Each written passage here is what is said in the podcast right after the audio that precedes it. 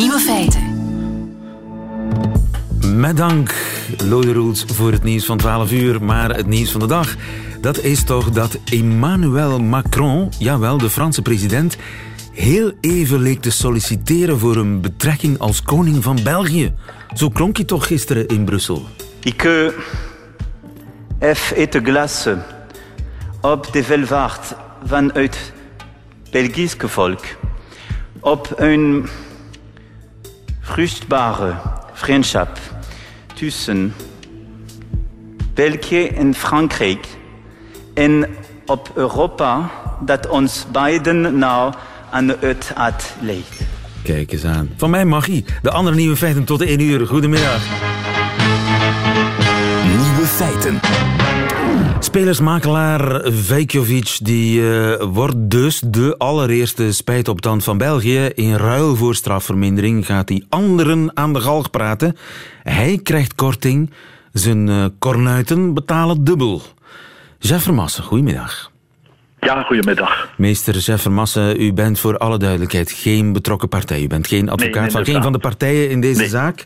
Nee. In dit uh, voetbalschandaal. Uh, vindt u Vejkovic nu een held of vindt u hem een loveback? Ja, eigenlijk juridisch is dat niet de vraag. En daarom neem ik daar ook geen standpunt op in. We hebben een wet die zeer recent is. Die is pas van 17 augustus van dit jaar in voegen. En dat betekent dat wanneer iemand betrokken is bij bijvoorbeeld een terroristische aanslag, bij criminele organisatie, bij doodslag ook, en die gaat een verklaring afleggen die aan bepaalde voorwaarden voldoet, dan wordt rekening gehouden met het feit dat hij eigenlijk wil meewerken aan het onderzoek en dat hij op dat ogenblik ook belangrijke informatie geeft waardoor de procureur of de procureur-generaal of uh, het federaal parket op dat ogenblik informatie krijgt die nuttig is in het kader van de bewijswaarde. Ja, maar er is toch iets wat een beetje wringt, namelijk je betaalt of je wordt betaald in natura weliswaar, in strafvermindering, voor informatie. Is dat echt wel rechtvaardig? Ik denk dat het juridisch rechtvaardig is. Ethisch kan het af te keuren zijn dat je zegt je bent een lafbek, want je gaat anderen erin uh, uh, eigenlijk insteken, terwijl dat je zou moeten solidair zijn met de andere misdadigers. Dat maar... heb ik nooit beweerd, hè, dat je solidair moet zijn, maar dat je betaalt voor informatie. Dat als journalist doe ik ook niet. En, en als onderzoeker doe je dat kennelijk wel, of mag dat kennelijk wel.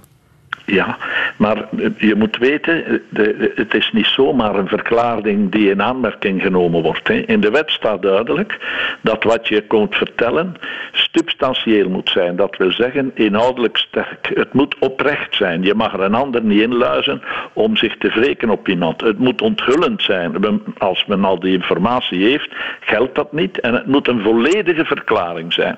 En dus wat is de bedoeling? Dat op die manier iemand die schuldinzicht betoont, dat is de bedoeling toch, die er natuurlijk ook zijn profijt uithaalt, maar die wil meewerken waardoor men een misdrijf dat soms moeilijk op te lossen is, kan oplossen. Ik denk aan de Bende van Nijvel, dat is een criminele organisatie. Als je daaraan meewerkt, ja, dan gaat misschien eindelijk dit zware misdrijf of die reeks misdrijven opgehelderd worden. Dus u zegt eigenlijk, mocht die regeling toen al hebben bestaan, dan was de zaak de Bende van Nijvel al lang opgelost mogelijks. Omdat natuurlijk in de Bende van Nijvel de Amerta die zegt dat je niets mag zeggen en waar de bedreiging van uw eigen leven natuurlijk in de weegschaal ligt, eh, dat speelt mee. Maar in dit geval is dat natuurlijk totaal anders. Uh, hier uh, zal die man niet gedood worden omdat hij spreekt, maar we moeten een onderscheid maken tussen ethiek. Wij kunnen het ethisch niet fair vinden, we kunnen het laf vinden, maar juridisch wordt het bekeken als trachten een bewijs te vinden van een moeilijk op te helderen misdrijf.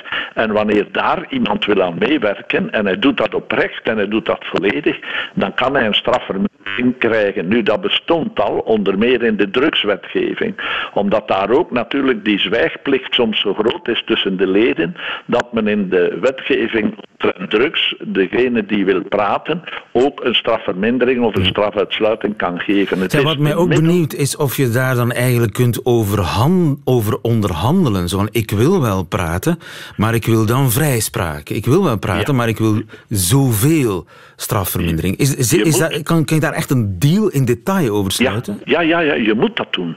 Er moet een memorandum opgesteld worden eh, door de betrokkenen en het Openbaar Ministerie, die uiteraard kan bijgestaan worden door zijn raadsman. En waar dan in dat memorandum gezegd wordt van kijk, uh, jij krijgt een strafvermindering van zoveel als jij je mond open doet en als het ernstig is wat jij komt vertellen. Dus daar gaat een onderhandeling aan vooraf om te zien of het juist is. En dus op die manier wordt daar ook een afspraak gemaakt die aan beide kanten moet gerespecteerd worden. Maar ondergraaft dat dan niet de rol van de rechters? Ja, nee, eigenlijk niet. Hè. De rechter zal uiteindelijk oordelen over de totaliteit. Bijvoorbeeld over de totale criminele organisatie. Wanneer één betrokkenen informatie geeft die juist is en die waardevol is, dan zal de rechter in zijn voordeel daar rekening mee moeten houden, want het is op voorhand al afgesproken. En anderzijds heeft hij nog altijd de vrijheid om daar ook te veroordelen tot op zekere hoogte. Dus de rechter wordt enigszins beperkt in zijn vrijheid, maar de voorwaarde is wel dat degene die spreekt iets ernstig meebrengt en dat dat justitie vooruit helpt om de waarheid te vinden. Ja, dus u bent een gelukkig man met deze regeling? In principe wel, hoewel daar natuurlijk misbruik kan van gemaakt worden. Maar natuurlijk, het resultaat is dan dat er, eh, er is een toezegging en dat die kan ingetrokken worden door het Openbaar Ministerie. Ik zou, het zeer, ik zou een gelukkig man zijn als dit toegepast wordt in de bende van Nijvel, omdat daar toch eigenlijk niets naar boven komt en dat op die manier dat vreselijke geheel van misdrijven misschien kan ontmaskerd worden. En is het daarvoor te laat? Nee, het is niet te laat. Dus het maar kan natuurlijk, er zijn er al velen gestorven of om het leven gebracht, denk ik. Maar er zijn er nog wel enkele in leven en misschien kan daaruit nog ooit iets komen. Maar de kans is natuurlijk zeer klein, omdat ik denk dat hier de zwijgplicht enorm groot is en dat diegenen die zich daar niet zouden aan houden, dit met hun leven kunnen bekopen. Maar het zou een oplossing kunnen zijn. En in die zin is het wel een goede wet, ja. Ik help het uh, met u te hopen. Spelersmakelaar Dejan uh, Vejkovic is de allereerste spijtopstand van België. Meester Vermassen, dankjewel. Goedemiddag. Graag gedaan. Lieven van den Houten. Een debat over menstruatie dat woedt volop in Zweden, ook op de televisie. Ja, Jämställdhetsmyndigheten har alltså fått kritik efter att ha delat ut en halv miljon kronor i skattepengar till ett projekt som vill menscertifiera svenska arbetsplatser, det vill säga skapa ett mer mensvänligt arbetsklimat. Vi ska debattera alldeles strax, men jag tänkte också bara säga välkommen till Klara. Mensvänliga arbetsplatser, där gaat het over op de Zweedse VRT. Volle bak wordt daar gedebatteerd over menstruatievriendelijke bedrijven. En ook in de krant uh, staan opiniestukken over menstruatierechten. Marcel Burger, goedemiddag. Goedemiddag. Onze man in Zweden, wat is er gebeurd? ja, op zich, er is niets nieuws aan de, aan de gang. Uh, vrouwen, enkele in de maand hebben zij een cyclus. Nee, maar... Het probleem is, ja, alleen het, het nieuwe is eigenlijk nu dus dat er in Zweden vooral wordt gediscussieerd over of dat uh, door de werkgever wel serieus wordt genomen. Ja, want er is een organisatie die heeft uh, 50.000 euro subsidie gekregen om een menstruatiekeurmerk te geven aan bedrijven. Dat is eigenlijk de aanleiding geweest van de discussie. En wat moet een bedrijf dan doen om dat certificaat te kunnen krijgen? Overigens, je hoorde al Helene de Bruin. Dag, dag Helene de Bruin. Ik ga je dan maar voorstellen, Helene de Bruin. Uh, jij, of de Bruine. Een vrouw met een cyclus. Een vrouw met een cyclus. En met een blog ook over seks. Uh, met jou praat ik uh, zo, meteen, zo meteen wel verder. Uh, maar de vraag aan Marcel is ja, wat, wat dat soort bedrijven moeten doen om zo'n certificaat te krijgen. Ja, wat je nu vooral ziet in Zweden vaak dat bedrijven, kijk, het wordt van toiletpapier wordt voorzien, maar er is eigenlijk geen manier om je, om je eigenlijk uh, op te schonen hè, nadat er uh, de bloed uh, zit ergens. Um, er zijn ergens. geen, ja, ergens. um, er zijn geen tampons in de toiletten algemeen verkrijgbaar en ja, dat zou eigenlijk wel moeten. Um, een ander probleem is eigenlijk dat je in Zweden nog steeds, wat in België het geval was tot 2014, de Karensdag hebt. Dus is die menstruatie zo zwaar dat je eigenlijk niet kunt werken en dat je uh, gewoon daarvoor niet, uh, niet uh, beschikbaar bent voor een dag, dan loop je eigenlijk op een jaarbasis, loop je over een half tot misschien wel een heel maand salaris loop je eigenlijk mis. Omdat die eerste werkdag die je ziek opneemt, misschien omdat je menstruatie hebt, dat je die zelf moet betalen. Ja, dat is natuurlijk eigenlijk een ongelijkheid tussen man en vrouw in de samenleving die, die niet meer past. Ja, ja ik, ik, weet niet of jij iets dichter bij je microfoon kunt praten, want we horen jou alsof je op het toilet zit, eerlijk gezegd. Maar dat, dit geheel terzijde. Nu, uh, het gaat natuurlijk ook om vrouwelijke bouwvakkers, vrouwelijke buschauffeurs, ja, waarvoor niets voorzien is. Op dit ogenblik. Nee, die moet Nee, die moeten eigenlijk ja, achter de bosjes moeten ze een maandverband verwisselen als het uh, tussen de, precies tussen twee bussenhoudplaatsen uh, lukt. Uh, er zijn geen goede faciliteiten voor mensen die dus geen kantoorbaan hebben eigenlijk. Nu staan die vrouwen vaak voor problemen. Menstruerende buschauffeurs. Helene, ik, ik schaam mij dood, maar ik heb, ik heb daar nog nooit bij stilgestaan dat er menstruerende buschauffeurs zijn en dat dat wel eens voor problemen kan zorgen. Zoals wel meer mannen, veronderstel ik. Ehm, je kan er ook niet aan doen. Hè. Je zou ook schrikken, moest er elke maand bloed uit je penis komen, maar dat is niet het geval. Prijs je gelukkig. Um, nee, maar ik denk dat het een goede actie is in Zweden net om, om mensen daarvan bewust te maken. En dan gaat het niet alleen om, om buschauffeurs of fabrieksarbeidsters. Maar wat doen die dan? Ja, goede vraag. Die, die, zoals ze al vrouwen al eeuwen doen, die trekken een plan wel, maar het is natuurlijk veel in, aan... In de bosjes, terwijl de bus staat te wachten met het volk erin even snel iets wisselen. Ja, blijkbaar. Het is natuurlijk veel aangenamer zoals hier op de VRT. Propere toiletten, lavabo's, alles voorzien. Maar het is goed dat ze net aan die beroepen aandacht besteden. Ook trouwens, um, gebeurt veel te weinig uh, organisaties van vluchtelingenkampen en zo. Um, daklozenopvang. Heel vaak is dat ook niet voorzien. Maar stel je eens voor dat je in deze kou een vrouw bent uh, die al op straat leeft en dan ook nog eens menstrueert. Allee, heel vervelend. Mag wel meer aandacht voorkomen. Ja, maar er is geen aandacht. Nee. Ik weet er niets over. Is dat niet de kern van de zaak, dat het eigenlijk nog altijd beschouwd wordt als iets gênants? Ja dat, is, ja, dat is natuurlijk een heel oude geschiedenis. Het taboe is al ontzettend oud. Hangt waarschijnlijk samen met het feit dat de vrouw kan baren en dat dat samenhangt met seks en dus iets raars en griezeligs is waar je maar beter van, ver van weg blijft. Een soort ziekte bijna. Die, die Zoiets, ja. Mens, je ziet het ook... Maand, maandelijks terugkerende ja, ziekte, bij wijze van spreken. Je wordt ook aangeleerd om daar niet openlijk over te praten, terwijl het is gewoon een normale lichaamsfunctie. Uh, Zoals als je, eten, drinken. Ja, of een verkoudheid hebben. Als je, je zegt toch ook aan je collega's aan het koffieapparaat, ik voel me een beetje slap, ik ben verkouden, waarom dan ook niet? Uh, ik voel me een beetje slap, ik heb mijn regels. Dat zeg jij? Ja. Ja, maar je bent helaas bijna de enige die dat uh, zou zeggen. Ja, we hebben natuurlijk nog een lange weg te gaan, maar daar in Zweden is het daarom denk ik goed dat die campagne begint. Nu, ik denk dat je wel moet oppassen met bijvoorbeeld het invoeren van menstruatieverlof.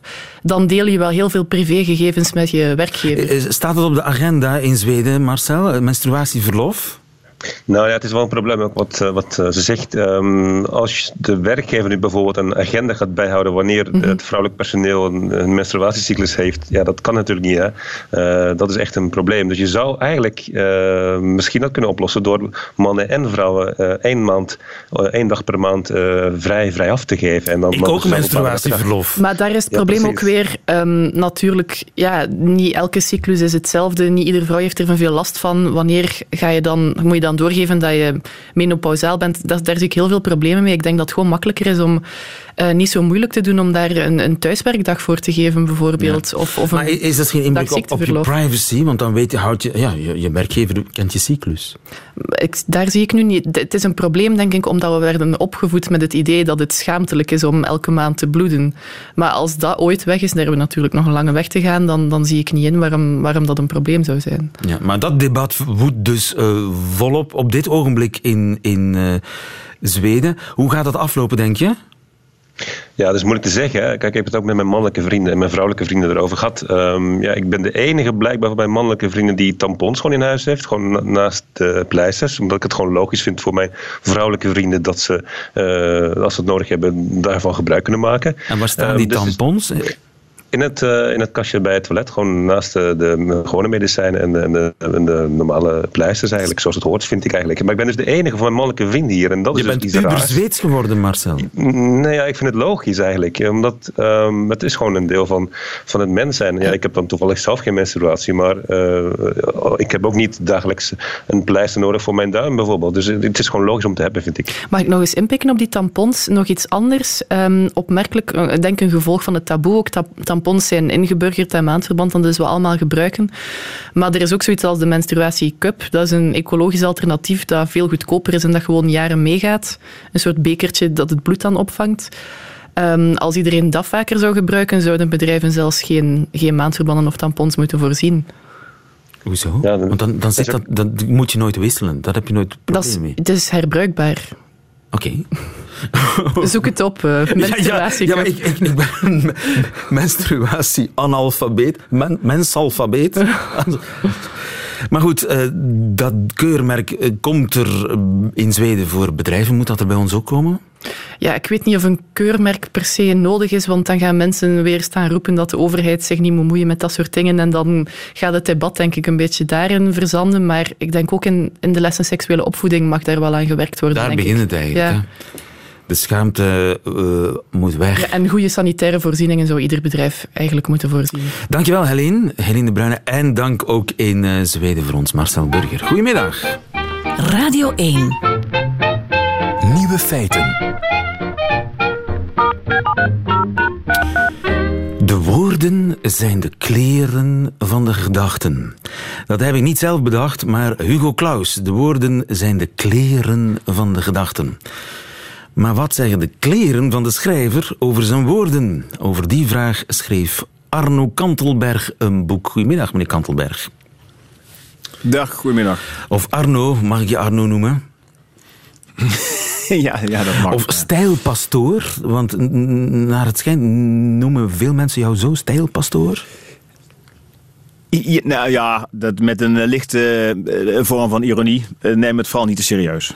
Maar jouw expertise is uh, mannen, stijl bij mannen. Uh, ja. Vandaar alleen maar mannen in uh, je boek over de kleren van de schrijver. De stijl van ja. de schrijver, zo heet dat, dat boek officieel. Hechten schrijvers veel belang aan hun garderobe? Nou, de een wat meer dan de andere. Dat, uh, dat, dat zal jou niet onbekend voorkomen. Er zijn er enkele die er heel veel aandacht aan besteden.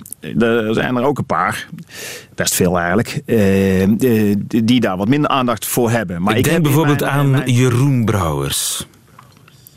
Ja, ja, die zou ik tot de laatste categorie indelen. Ja. Maar ik heb mij in mijn boekje beperkt tot, uh, tot 30 uh, uh, schrijvers die er Wel allemaal in, ja, ja, nou in ieder geval daar waar wel een, een, ook een brug te slaan is zeg maar, tussen hun, hun, schrijversstijl en hun kledingstijl. En helpt dat hun schrijverschap op de een, man, een of andere manier vooruit? Als, als er blijkbaar een, een link is tussen hoe ze eruit zien en hoe die boeken geschreven zijn? Nou, ik denk wel dat er, uh, er valt wel een boom op te zetten over um, uh, de ontwikkeling dat een schrijver... Hè, kijk, de, ook de schrijver is een merk, zoals dat in de moderne marketing heet. En als jij jouw merk goed weet te verkopen, dus ook door, hè, door ook je kleding onderdeel te maken van dat totaalpakket, dan zet het je wel duidelijker op de kaart. Ja, hè. je bent je eigen wandelende reclamebord. En, en is daar iemand ooit mee begonnen? nou, eh, ja, nou, in de Nederlandse literatuur eh, hebben we Louis Couperus. Uh, dat is van lang geleden. De goede man is uiteraard niet meer onder ons. Maar die was zich daar zeer goed van bewust. Maar uit de huidige literatuur en de Vlaamse literatuur is Tom Lanois. denk ik misschien wel het beste voorbeeld daarvan. Iemand die zichzelf ook uh, nadrukkelijk weet te verkopen. Hè. Hij zei ook boven een interview in de Volkskrant laatst tot alles is theater. Dat geldt natuurlijk ook voor zijn verschijningsvorm. Hè. De bril, het uh, ooit geblondeerde haar of de bril. Kijk, de, de, de brillen, kunnen we rustig stellen. De brillen. Hè? Ja, hij heeft... Uh, Badkuip vol. En, ik, ja, en ook niet de minste. Nee. ook om, niet onbelangrijk. Het, is, dit zijn geen, uh, geen ziekenfondsbrilletjes. Dit zijn, dit zijn serieuze brillen. Dit zijn brillen met een eigen leven, zou ik bijna willen zeggen. Dat af... Met een eigen carrière. Met een eigen dat, dat misschien wel. Ja, ja, met, ja, ja, per boek een nieuwe bril. Zijn, eerste boek heet, was, volgens mij was dat zijn eerste, een slagerszoon met een brilletje. Nou, dat heeft hij eigenlijk daarna gecultiveerd. De titel van, zijn, uh, van die eerste roman. Ja, en marketinggewijs en stijlgewijs is dat een meesterzet geweest. Ja, ik denk het wel. Ja, ja. Hij is zo herkenbaar. En wat je. Uh, kijk, hij, hij is ook in zijn tekst is bombast hem niet vreemd. Hè? Het past ook uh, bij hem. Hij is, een, hij is een, hij, in, in zijn romans toont hij een, echt een sprekend beschrijver. Uh, hij is heel breed ook. Hè? Hij is van alle markten thuis. Hè? Roman, toneel, column, poëzie. Het grote gebaar. En, maar dat zie Het grote gebaar, dat zie je ook in zijn, in zijn. Als hij wel eens op de rode loper is, bijvoorbeeld bij Boekenbal in Amsterdam, het jaarlijkse Boekenbal. Nou ja, het is, laat ik zo zeggen, het is moeilijk om hem te missen. De jasjes zijn of fel rood of blauw, eh, turquoise. Het, het, het, het, wat dat betreft, de boel, uh, hij werkt de hele regenboog af. Je moet een zonnebril opzetten als Tom Lenoir in de buurt komt. Hij is aanwezig, hij is er. Wat ik al zei, alles is theater. Dus dat, dat, dat wat hij in zijn boeken uh, beoogt, dat, dat doet hij verder ook in zijn verschijnings- zijn vestimentaire verschijningsvorm. Dus dat past heel goed. En kun je dat ook zeggen van zijn spitsbroeder Herman Brusselmans? Ah ja, de Herman. Ja, dat is. Uh, nou kijk. Nou ja, als je aan Herman Brusselmans denkt, denk je aan lange haar. Hè? Dat, dat, dat is zijn al vanaf zijn uh, uh, jongste jaar als schrijver is dat zijn handelsmerk. Dus dat zijn, uh, zijn, zijn, zijn, handtekening. En die lange haren spreken van rebellie, opstandigheid, de qua jongen, nooit oud willen worden. Nou ja, dat is natuurlijk is hij in zijn boeken ook. Hè. Daar wordt natuurlijk om de havenklap iemand achterlangs in de poes genaaid. En het gaat er van klits, klets, klanderen. En dat is zijn, hè, elk jaar twee, twee romans. Dat, dat opstandige, dat rebellerige, dat, dat, wat in zijn boeken, heel lang in zijn boeken zit dat, en in zijn tekst, dat zit natuurlijk uh, zit in, in dat ja, haar. Dat zit en dat in dat uniform haar. ook, hè? leren jasje, de zwarte jeans, de zwarte t-shirt. Dat uniform, ja. dat staat hij ook niet af. En dat uniform zit eigenlijk ook in zijn werk. Uh, ja, ja, ja, ja, er wordt wel eens gezegd het ene boek is het andere hè, van, uh, van Brusselmans. Dat is natuurlijk niet helemaal zo. hij, heeft, hij heeft een heel herkenbare stijl. En, en nou ja, uniform zou je het kunnen noemen. Ja, hij, hij draagt het uniform van de rock'n'roller als je naar buiten gaat. Hè. Zwart t-shirt, spijkerbroek, die lange haren. Ooit die filtersigaret. Uh, uh, en in, in zijn uh, oeuvre is hij ook uniform. Ja. ja. En de iets oudere generatie, ik denk aan Hugo Claus. Mm. Ja. Dan zie ik onmiddellijk ja, de, de bontjas. Ja. De bontjas overigens bestaat niet meer. Sinds kort is hij ergens op een uh, uh, vuilnispelplant. Daar schoot niet ja, zo vreselijk veel meer van over. Maar dat is iconisch nee. geweest, hè, die bontjas voor Hugo. Maar hij, hij is sowieso... Ja, ja, die bontjas. Maar sowieso is zijn, zijn, zijn garderobe... die is, zou je zeg maar even kaleidoscopisch kunnen noemen... als uh, bijvoorbeeld het verdriet van België. Hè. Ook al, daarin hield hij het ook niet klein. Uh, zijn, een, een, een foto van Hugo Claus in een simpel t-shirtje... Is een, is een uniek iets. Dat bestaat niet. Als iemand dat heeft, dan moet hij meteen op de, naar de veiling brengen. Want daar wordt veel voor geboden. Hij altijd dubbelbreasted jasjes, grote borden, bredere vers. Majestueuze manchetknopen, driedelig, hè? vaak driedelig. Geen stropdasovers. Ja, nou ja, maar een, een uh, maar ja, ja, ik wil je graag met een knipoog, liever, maar ook een beetje, nou elegant als een, wel als een olifant, zoals zijn vriend maakt. elegant als een olifant. Waar zijn de tegeltjes? Ja. Hugo Claus was elegant als een olifant. Mooi. En dan ja, ja de, de, de, de, grote drie in Nederland. We gaan ze niet alle drie noemen, maar bijvoorbeeld Reven. Nee. Wat had die een? Want dat is natuurlijk ook een van de allereerste tv-verdetten geweest onder de schrijvers. Ja, maar een zoekere, onzekere man. Heel erg over, over, zijn eigen uiterlijk. Heel onzeker. Vond zichzelf een heel onknappe man. Uh, wat hij eigenlijk helemaal niet was. Was best een aantrekkelijke man. En met smaak, maar ontzettend zoekende. Kijk, daar waar Hermans al op zijn, ik denk zijn 18e, 19e, 20e had hij zijn stijl. Dat was gewoon het, het, het burgermanspak met een stropdas. Heel sober, heel simpel, uh, eenvoudig. Uh, was hij altijd aan het zoeken. Uh, Jeans, om weer een ander uniform. Uh, ja, denim jasjes. Beetje wat wij tegenwoordig workwear noemen. Hè. Zo heet dat toen nog niet. Maar, uh, daar, Arbeiderskledij. Arbeiders, daar, hè, dat was natuurlijk zijn afkomst. Hè. Die, die, de, hij, had de, hij kwam uit een communistisch gezin. Maar wel zoekend hoor. Hij heeft nooit echt een, een, een heel duidelijk eigen stijl gevonden. En dat in zijn werk ook. Hè. Echt uh, een beetje een zoekende man. Maar ja, de, over de koning van de grote drie zijn het de grote drie in Nederland. Eigenlijk moet je zeggen de grote vier van Klaus hoort daarbij. Maar de grote, de grote drie is Moelisch natuurlijk de meest uitgesproken. Dandy. Ja, ja, real life dandy eigenlijk. Jasje. Pijp, hardhouten pijpen van het merk Dunhill. En uh, ja. had, uh, had negen op een rijtje staan. Hè? Ja. ja. En misschien had Reven niet zo heel veel kleren, stijl nodig. Hij had zijn kop natuurlijk mee. Hè? Dat was zijn, uh, zijn handelsmerk. Ja, die kuif, hè. Ook die kuif, hè. Haar is haar, haar, zoals James Brown zegt, tanden en haar. Als je dat hebt, dan ben je er. tanden en haar. En dan doemt voor mij Dimitri Verhulst. en, en hoe heet die, Buwalda. dat doet natuurlijk enorm op, hè, dat beeld. Als je denkt aan tanden en haar. Ja, ook rock and roll, hè? Ja, ja, ja, haar, haar, met name haar. Hè? Dat, die twee, ik heb twee foto's in mijn boekje van, van inderdaad Peter Boal en Dimitri Verhulst. En die kun je bijna over elkaar heen leggen. Ehm, kijk, ze hebben dat haar, dat is ja, lang en ongeregeld genoeg om, om, om, om rebellie te suggereren. Maar het, het wordt niet feminien. Het wordt niet artistiek. Het is, het is geen androgynie. Hè? Het, is een, het is echt een rock and roll. Uh, stoer. het, zijn, zijn ook stevige jongens. Hè? En, en ze zijn ook allebei niet van het kleine gebaar. Weet je, Bualda die, die, die werkt aan een grotere man. En dat, is zijn, dat is zijn werk, zijn oeuvre. En Dimitri Verhulst, nou ja, die heeft laat ik zeggen, die, ja, als je naar zijn titels kijkt, hè, van zijn uh, Godverdom, Godverdomse dagen op een Godverdomse bolle, hoe heette het andere boek van Kadish voor een kut. Hè? Het, het, is ook groot en hard en stoer en stevig. Het is eigenlijk rock'n'roll. Wat dat betreft hebben zij wel een beetje weer die rock'n'roll teruggebracht in de Nederlandse literatuur, Nederlandstalige literatuur. Wie is de best geklede schrijver ooit, volgens jou, in de, in lage landen? Ja, in de lage landen, ja. Ik, ik vind mijn persoonlijke favoriet is Jules Deelder. De, de Rotterdamse nachtburgemeester, annex dichter. Dat Ook is mijn uniform, favoriet. Ja, maar een uniform wat eh, heel autonoom tot stand is gekomen. Hij kleedde zich in de jaren 70, terwijl alle andere schrijvers uh, in een spijkerbroek of een corduroybroek met een leren giletje en veel roos op de schouder ronddiepen, lange, lange haren ongekamd, had hij dus dat driedelig pak aan met een monocle, zijn haren zwart in de brilkriem achterover en Italiaanse jasjes zo kort als de zinnen in zijn, uh, in zijn poëzie. Eh, Italiaanse jasjes zijn jasjes zonder split. Hè. je Engelse jasjes hebben twee splitten achter en Amerikaanse jasjes één split, Italiaanse nul. Die draagt hij nog steeds. Die zie je Niemand draagt hem Italiaanse jasjes. Behalve Jules, zelfs in Italië draagt geen Italiaanse jasjes. Behalve Jules Deelters. Hij blijft wel heel erg inderdaad die stijl trouw. Hoge hoeden. Eh, Ooglapjes op zijn tijd. Een wandelstok. Eh, ja. ja. helemaal nou af. helemaal goed. Helemaal zichzelf. Stijl is het antwoord op alles, zei Charles Bukowski. De schrijver.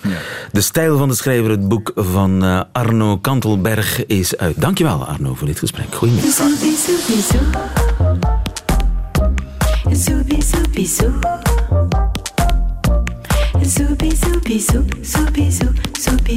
Le bruit des. Nieuwe feiten. En mijn held van de dag, dat is uh, ongetwijfeld Filip. Filip Heilen, die is 23 jaar en de jongste Belgische sterrenchef ooit. Goedemiddag, Filip. Goedemiddag. Sinds een jaar baat jij een restaurant uit in Leuven, je eigen restaurant, dat heet Eet, met een D. En uh, sinds gisteren heeft dat restaurant een Michelinster op een jaar tijd. Je bent 23, dat gaat wel heel snel. Ja, inderdaad. Uh, niet uh, zien aankomen. En nog altijd aan het bekomen, neem ik aan. Ja, veel tijd om te bekomen is er niet echt, want de reservaties stromen vol, vol binnen, dus uh, we zijn hard aan het werken nu. The show must go on. Uiteraard. Zij, en je restaurant heet Eet met een D. Heb jij een eet gezworen? Oh nee, ik heb geen eet gezworen, maar uh, die link is een beetje gelegd met uh, de ligging waar dat we zitten, tegenover het uh, rechtsgebouw in Leuven. En we hadden een kleine spellingsfout van eten. En dan maar eet met een D, dat een deel te maken heeft ook met met, ja, met dan het rechtsgebouw waar we vlak over zitten. Ja, ja, er is een link met uh, de locatie. Altijd zeer verstandig bij de naamgeving. Nu, je bent 23, je hebt een ster. Er zijn uh, heel wat koks die hun leven lang moeten werken om te bereiken wat jij bereikt hebt. Wat is jouw geheim? ik kan niet uh, zeggen dat er een geheim is. ik zeg, Michelin geeft die ster of geeft ze niet. dat is eenmaal het ja, het geheimzinnige aan de Michelin-gids.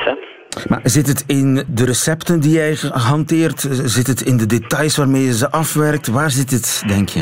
ik, ik, zal een goede, ik heb een mooie achtergrond uh, vanuit Hertog Jan wel meer, waarop dat ik verder werk. Daarmee sowieso. Uh, we proberen hier een beetje ons eigen ding daarmee te doen. Eh, uit ja, de andere zaken waar ik nog stage heb gedaan of gewerkt. Dus uh, ja, we proberen gewoon heel smaakvolle gerechten, goed let op de cuissons. En uh, ja, Michelin heeft ons daarmee beloond. Zeg Filip, wat wou jij destijds voor je elfde verjaardag? Goh, mijn elfde verjaardag? Ja. ik denk dat dat kreeft was. jij wou kreeft gaan eten? Ja. Ben je in de wieg gelegd voor de horeca, Filip? Ja, toch wel. Uh, derde generatie. Aha. Mooie basis daarmee. En uh, je vader had een restaurant? Die had een restaurant, ja, klopt. En werkt hij nu voor jou? Uh, nee, we werken allemaal samen. Het is niet voor mij, of het is samen, met het hele team. Maar jij bent wel de chef? Dus, uh, nee, nee, hij, hij, doet vooral nu meer de, de, achtergrond, een beetje de back-office. Ja, ja. En hij springt eigenlijk bij waar nodig is. Hè. Het is een echt familiebedrijf, je vriendin draait ook mee. Klopt. En wat staat er op het menu vanmiddag? Want ja, ik stoor jou midden in, in, in de service, hè? Ja. Uh, deze middag op de lunch staan er uh, gebakken cookies met uh, knolselder en een jus van, en een jus van kreeft. En in het hoofdgerecht is dat stukje gepekelde schelvis met een gerookte beurre blanc. Ik durf niet te zeggen wat ik vanmiddag ga eten, Filip. ik durf het niet te zeggen. En wat is het dessert? dessert is een, op basis eigenlijk van... We hebben ijs gemaakt van rijstpap. Uh, daarop komt een schuimige mousse van uh, geitenyoghurt en wordt afgewerkt eigenlijk met gepofte rijst en uh, pompelmoes. Pompelmoes en geitenyoghurt en rijst. Je bent een misdadiger, Filip. Nogmaals gefeliciteerd met je Michelinster en veel succes. Maar dat hoef ik jou eigenlijk niet te wensen. Dat heb je al. De jongste Dank Belgische sterrenchef ooit. Goedemiddag. Goedemiddag. Nieuwe feiten. Middagjournaal. Niemand kan zich zijn eigen geboorte herinneren. Al ervaar ik wel een bepaalde herkenbare flashback telkens ik van het warme gedeelte van de koolruit de koelafdeling binnenwandel. In een tijdelijke flits lijkt het alsof alles wat mooi en comfortabel aanvoelt, alsof de vertrouwde geborgenheid wordt aangevallen door een koude, vijandige omgeving waar niets is wat het lijkt. Want die veelkleurige tropische vruchten en die donkergekleurde bieten zien er altijd een pak zoeter uit dan wat de werkelijkheid ons laat ervaren. De plastic stroken aan de ingang of de uitgang, afhankelijk van de richting die je verkiest, bieden voldoende weerstand om de onaangename temperatuur van de aangename te scheiden. Maar een gefocust shopper laat zich daar niet door afschrikken, nog tegenhouden. Alleen is het wel belangrijk om het deeltje van de boodschappenlijst dat zich daar afspeelt zo snel mogelijk te behandelen en tevens af te ronden. Want wie zich nestelt in kilte, zal de ware warmte nooit meer ervaren. Het is de moeilijke periode waar we soms door moeten. De pure regen die wordt gevolgd door zonneschijn, mogelijk met een regenboog daarbij. En net op het ogenblik waarop je alle moed verliest, waarop je voelt dat de koelomgeving een kilomgeving wordt, valt jouw oog op de strooikaas. En iets verder staat de joppiesaus, die ook fris gehouden wordt omdat er ajuintjes in zitten. En dan besef je weer dat de meest venijnige vrieskoude, die ons leven naar beneden trekt met een snelheid, die aardig in de buurt komt van een goede ouderwetse vrije val, een functie heeft. Ze leert ons dat als we eens willen gratineren, als we lekker willen dineren, als we eens een andere saus willen proberen dan de gedoodverfde favoriete, wel dan en slechts alleen dan hebben we een afdeling nodig die ons hoofd en de gewenste producten koel houdt. En toegegeven, op zo'n ogenblik is een laagste prijsgarantie niet noodzakelijk, maar wel mooi meegenomen. Zo vullen we onze kar snel met het gevoel dat het economisch evenwicht niet wordt verstoord. Laat ons vooral geen tijd verliezen met vergelijken. En als we dan bij het verlaten aan de andere kant de plastic stroken van de koelafdeling voelen en de eerste warmte zich als een zachte milevest op onze huid stort, zien we links al die verschillende soorten nootjes opduiken in plastic doosjes en rechts bananen van over de hele wereld, sommige zelfs rechtstreeks bij de boer gekocht tegen een eerlijke prijs. Wel ja, dan haalden we weer opgelucht adem.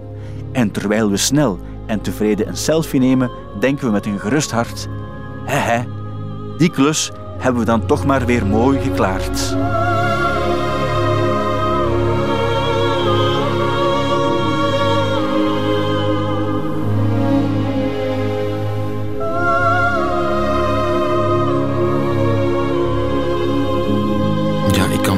Nooit meer naar die koelafdeling in de Kolruit. Zonder te denken aan de woorden van uh, Stijn van de Voorde. Dat het hem deed denken aan zijn uh, frisse geboorte. Ik heb ook bijgeleerd wat joppie-saus is. Ik ga het niet proeven, denk ik. Einde van deze podcast, maar u vindt er nog veel meer op radio1.be en op alle gebruikelijke podcastkanalen. Tot volgende keer.